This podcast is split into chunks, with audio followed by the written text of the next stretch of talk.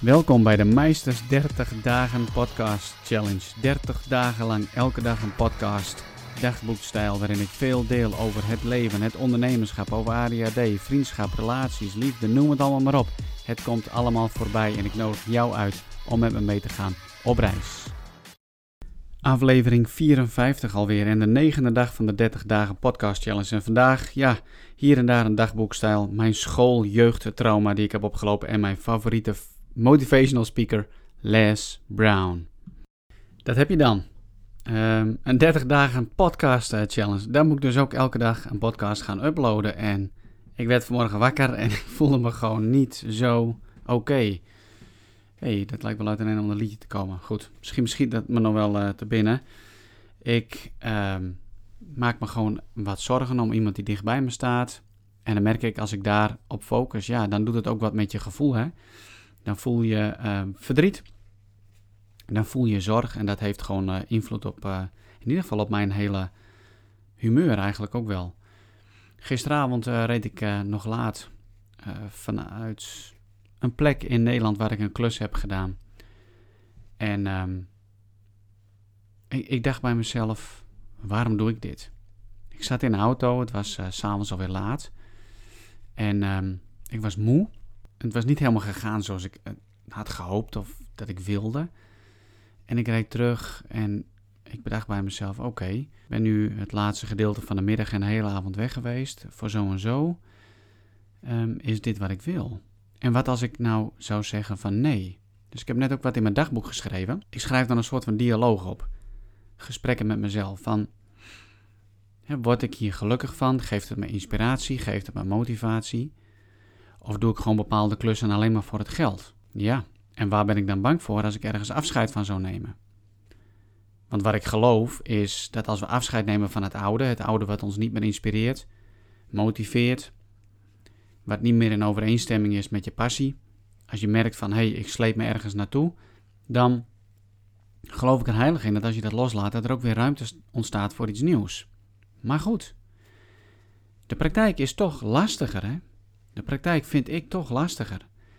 Durf je afscheid te nemen van het oude? En zo nee, waarom eigenlijk niet? Nou, voor mij kwamen er bepaalde redenen naar boven. Wat zullen bepaalde mensen zeggen als ik een bepaalde klus af zou stoten? Wat voor gevolgen zou dat hebben financieel? Kan het eigenlijk wel? En als ik dan mijn angsten verder ga opschrijven, dan kom ik erachter dat die angsten helemaal niet reëel zijn.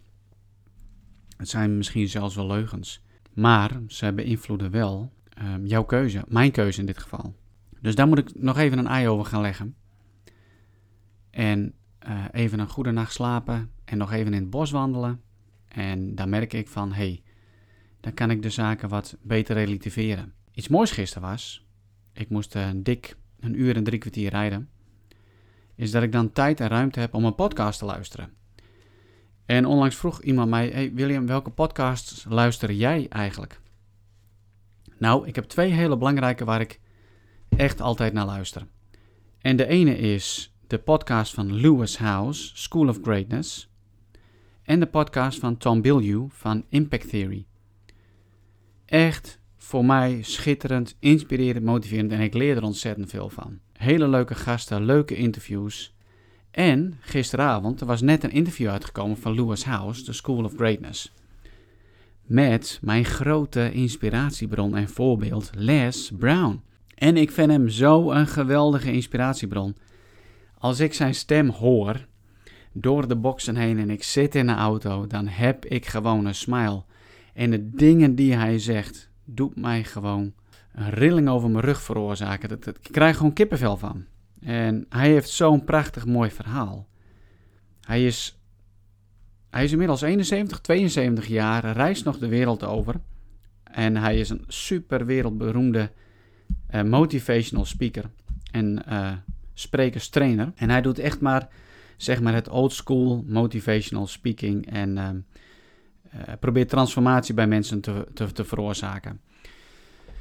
En hij is een tweeling. Zijn broer heet zei Wesley en hij heet Les. Maar zijn broer is heel slim en hij was minder slim.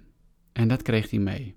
Ze werden geboren Zijn biologische moeder was zeg maar een, een, ehm, een vrouw in eh, Florida en haar man die vocht mee in de Tweede Wereldoorlog. En zij raakte zwanger. Ja, in die tijd mega uitdaging, mega probleem. Um, daar reageerden mensen, zeker die vanuit de oorlog terugkwamen, nou, misschien wel heel anders als, eh, als nu. Ja, dat weet ik eigenlijk ook niet. Het is nu misschien bijna, bijna gewoon als ik dat zo om me heen kijk, wat er allemaal wel niet gebeurt op dat vlak. Maar goed, zij gaf haar, uh, haar tweeling gaf ze af ter adoptie aan, een, uh, aan de moeder van uh, Les dus. Mamie heet ze. En die heeft zoveel liefde aan deze twee gegeven dat ze dat hele, hun hele leven als waardevolle schat meedragen in hun hart. En ze zijn daardoor in staat, zeg maar, ook om uh, liefde door te geven. Maar goed, Les, die krijgt dus op een gegeven moment de, het predicaat, zeg maar, op school.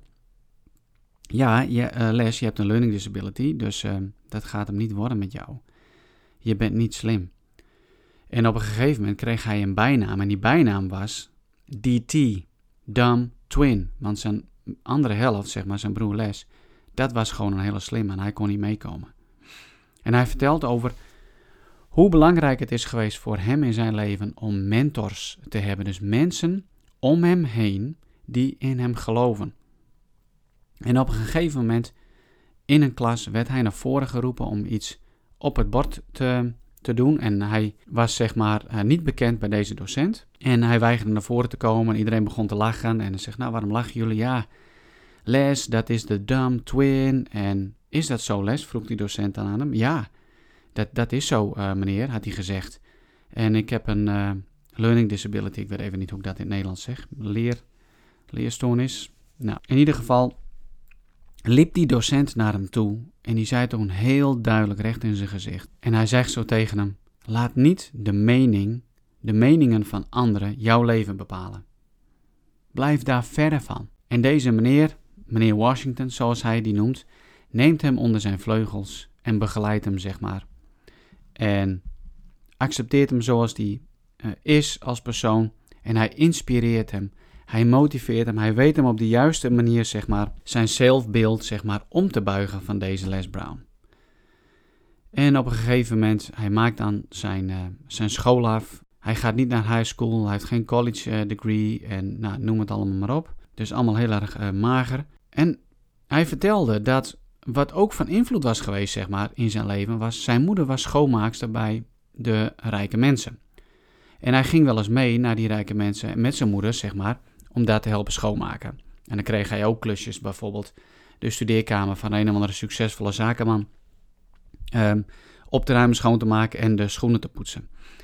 En een van die zakenmannen waar hij dus uh, kwam, uh, zijn moeder deed dan in dat huis de huishouding.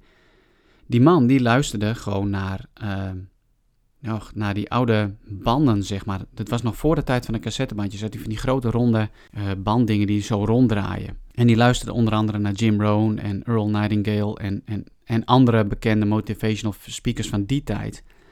En hij heeft daar tijdens het poetsen en tijdens het opruimen, dan ging hij wat langzamer werken, want dan kon hij gewoon heel veel meekrijgen. En hij is nog gewoon in staat om heel veel van die quotes en zinnen van die gasten gewoon terug te herhalen. Dus hij kan het gewoon zo opnoemen. En hij vertelt dat op een gegeven moment wist hij van, hey, wat is de roeping van mijn leven? Dat is zeg maar die, dat motivational speaking. Ik kan gewoon goed spreken, ik kan heel erg verhalen vertellen. Ik heb een levensverhaal en ik wil zo graag, net zoals die motivational speakers die ik hoorde op die cassettebandjes, later toen hij die zelf aanschafte in die periode, wilde hij dat ook uh, gaan doen. Maar ja, dit waren allemaal mensen met bepaalde opleidingen, met een college degree, noem het maar op. Of een PhD, hè? dus die waren gepromoveerd. En hij, hij had nog niet eens uh, zeg maar zijn high school uh, op een goede manier afgemaakt. Dus hij voelde zich heel klein. Hij, hij had echt een minderwaardigheidscomplex. En ondanks dat hij ontzettend veel wist op dat moment van veranderingspsychologie, om het maar even zo te zeggen, en positieve psychologie. En hij kon gewoon hele stukken, nou ja, oplezen, dicteren van, van boeken en, en noem het maar op durfde hij gewoon niet. Op de vraag van Lewis House, dus die podcast host, die, die zegt dan op een gegeven moment: um, Als je nou zo terugkijkt op je leven, zijn er dan dingen waar je spijt van hebt? En hij had eigenlijk maar één ding waar hij spijt van had. En dat was dat hij zei van, ik wist op een gegeven moment wat mijn roeping was. Ik wist op een gegeven moment dat ik moest gaan spreken voor mensen. Ik wist dat ik op deze wereld gezet ben om van invloed te zijn in mensenlevens en zodat de mens in staat is om een transformatie, een verandering uh, tot stand te brengen. Hij wist dat dat zijn weg was, maar hij durfde niet. Hij liet zich zo ongelooflijk tegenhouden door angst en minderwaardigheidscomplex. Dat heeft 14 jaar lang heeft het geduurd voordat hij zeg maar er werk van durfde, eh, er werk van durfde te maken. 14 jaar lang leefde hij dus met de gedachte: dat is mijn weg, maar ik durf niet, want wie ben ik nou? Ik ben immers de dumb twin. Na 14 jaar kreeg hij uiteindelijk zoveel moed bij elkaar. En natuurlijk heeft hij daarin een, een proces meegemaakt. Maar hij heeft zoiets groots, zoiets moois opgebouwd. En hij is zo'n bekende naam, zeg maar, over de hele wereld. Um, nou, dat is gewoon ongelooflijk. En zijn verhaal is zo inspirerend dat iedere keer weer als ik het hoor, dan, um, ja, dan word ik gewoon blij. Je ziet wel eens op YouTube, ik zie wel eens op YouTube, van die uh, leuke inspirational filmpjes, hè, van die motivationals. En dan is zijn stem de meest gebruikte stem uh, op de achtergrond, waarbij je al die beelden ziet van sportende mensen, overwinnende mensen of mensen met een hand in de haar. En uh, ja, dat vind ik ook best wel leuke filmpjes om af en toe gewoon eens even te zien. Om mezelf weer eens even te inspireren. Maar ja, hij zegt ook van, als, als, mens, als mens maken we uiteindelijk onze eigen verhaal. Want het is onze reactie zeg maar, op de omstandigheden en wat, wat ons meegegeven wordt. Maar goed, als het gaat om ons kind zijn, ja, als kind ben je gewoon een spons. Hè? En wat je ouders uh, zeggen en wat je omgeving zegt, jongen, dat kan best wel impact hebben. Ik kan me nog steeds terughalen, de impact zeg maar, tweede klas lagere school van een juffrouw, ik zal haar naam niet noemen, van een juffrouw die me zo vernederde. Ik, we moesten een of andere werkje maken. En ik ben niet echt heel erg uh, superhandig. Zeker niet in het hele kleine, waar veel details bij komen. En zij kwam bij me staan en ze zag mijn werkje. En ze zegt: William, dit is wel zo allemachtig slecht. Ga jij maar terug naar de kleuterschool. En zij dwong mij, zeg maar, met dat werkje om het klaslokaal uit te lopen en naar het gebouw van de kleuterschool te gaan en me daar maar gewoon weer aan te melden. Ik zie mezelf nog over dat schoolplein lopen. Ik zie mezelf die deur open doen en naar een juffrouw uh, toe gaan waar ik een goed gevoel van had, waar ik ooit bij in de klas had gezeten als kleuter en mezelf daar melden. Ik moest het werkje laten zien, dus dat heb ik gedaan. Ja, want hoe oud ben je? Tweede klas lagere school, zes jaar. Ik was een vroege leerling. En ze zegt, goh, ja, prima werkje, uh, William. Uh, de volgende keer even hier en hier aandacht aan uh, geven. Ja, oké, prima. Dus ik weer terug. Maar dat heeft zo'n ontzettende impact en invloed gehad in mijn hele leven. En ik kreeg haar later weer als juffrouw in de vierde klas van de lagere school. Dacht ik zo, vier. En vier of vijf. Maar we maakten dat. En wat een drama was dat. Wat heeft dat, zeg maar, een litteken op mijn ziel veroorzaakte. Want dat heeft dat een invloed gehad in mijn, in mijn hele leven. En het is uiteindelijk geworden in mijn leven uh, een grote draak. En natuurlijk is het door andere dingen en, en, en opvoedingszaken, is het, dat soort dingen zijn versterkt. Maar het is een hele grote draak waar ik tegen heb gevochten in mijn leven. En waar ik veel littekens van heb overgehouden van de strijd er tegen. En uiteindelijk dan um, is het me gelukt om deze draak te verjagen. En soms komt hij weer eens even om de hoek kijken. Maar goed, dan pak ik mijn grote zwaard weer en uh, grote speer en dan ga ik hem te lijf. En dan uh, rent hij gauw weer weg, om het maar even in beeldspraak uit te drukken. Dus we, we hebben allemaal wel een verhaal en we hebben misschien allemaal wel van dat soort momenten in onze levens. En heb je ooit wel eens de tijd genomen om voor jezelf eens terug te kijken op je leven, om te kijken van hey, welke momenten zijn er geweest Welke stemmen zijn er geweest vanuit mijn leven die zo'n invloed hebben gehad? En die misschien nu nog wel invloed hebben, zeg maar, op uh, hoe je de dingen doet. En misschien is er dus wel een bepaalde reden, ja, daar weet ik wel zeker dat die er is, waarom je nog niet bent waar je wilt zijn. In je leven of met je onderneming. Ga zitten. Ga eens schrijven. Begin eens te schrijven met je eigen autobiografie. Dan zie je vanzelf wel waar je gedachten heen gaan, wat aandacht krijgt, wat je gaat opschrijven en wat het met je gevoel doet. Want je zult het wel inzichtelijk moeten maken om te kijken van welke namen hebben jouw draken in het leven die nou nog invloed hebben. Ik zat ehm, in mijn, in mijn uh, beroepsmilitaire tijd bij de landmacht, bij de verkenners. Dus het was onze taak zeg maar om uh, voorbij de lijn eigen troepen, om zeg maar uh, de vijand te volgen, de vijand te zoeken, te observeren, door te geven wie, wat ze waren, noem het allemaal maar op, welke richtingen ze opgingen. Hartstikke leuk, hartstikke mooi. En dat is eigenlijk wat je ook moet doen. Als je nu vastloopt of je hebt zoiets van, hé, hey, er zit meer in, maar dat komt er gewoon niet uit. Ga eens even op verkenning. Kijk eens even terug en kun je misschien bepaalde draken identificeren, een naam geven en daar de strijd mee aangaan of uh, hulp eh, zoeken om bepaalde draken te overwinnen. Hij zegt, die Les Brown, sluit ook altijd af van You have greatness in you. Je hebt iets groots in jou. Je bent groots, je hebt grootsheid in jou. En dat geloof ik van ieder mens. Ieder mens hier op aarde heeft iets groots in zich. En is hier met een bepaalde reden en is hier met een bepaald doel. En helaas hebben we zo onze wereld ingericht dat het voor sommige mensen bijna onmogelijk is geworden om echt hun doel in het leven te ontdekken, omdat ze alleen maar bezig zijn om te overleven, of omdat ze op naast een vuilnisbelt in de Filipijnen worden geboren, of op een vlakte in Afrika waar alleen maar honger is of oorlog, waardoor het niet mogelijk is om helemaal te bloei te komen. Maar ja, wij leven hier in Nederland, in het rijke Westen. We hebben onze natje en droogje, ook al hebben we werk of geen werk, er wordt voor ons gezorgd. En wat is onze reden van excuus dan? Om niet helemaal tot bloei te komen? Wat is onze echte reden van excuus om niet te floreren? Om niet onze dromen na te jagen? Wat is jouw reden dan? Om niet bepaalde keuzes en knopen door te hakken? Ja, over die angsten overwinnen. Ik heb het in de podcast van gisteren volgens mij ook wel over gehad.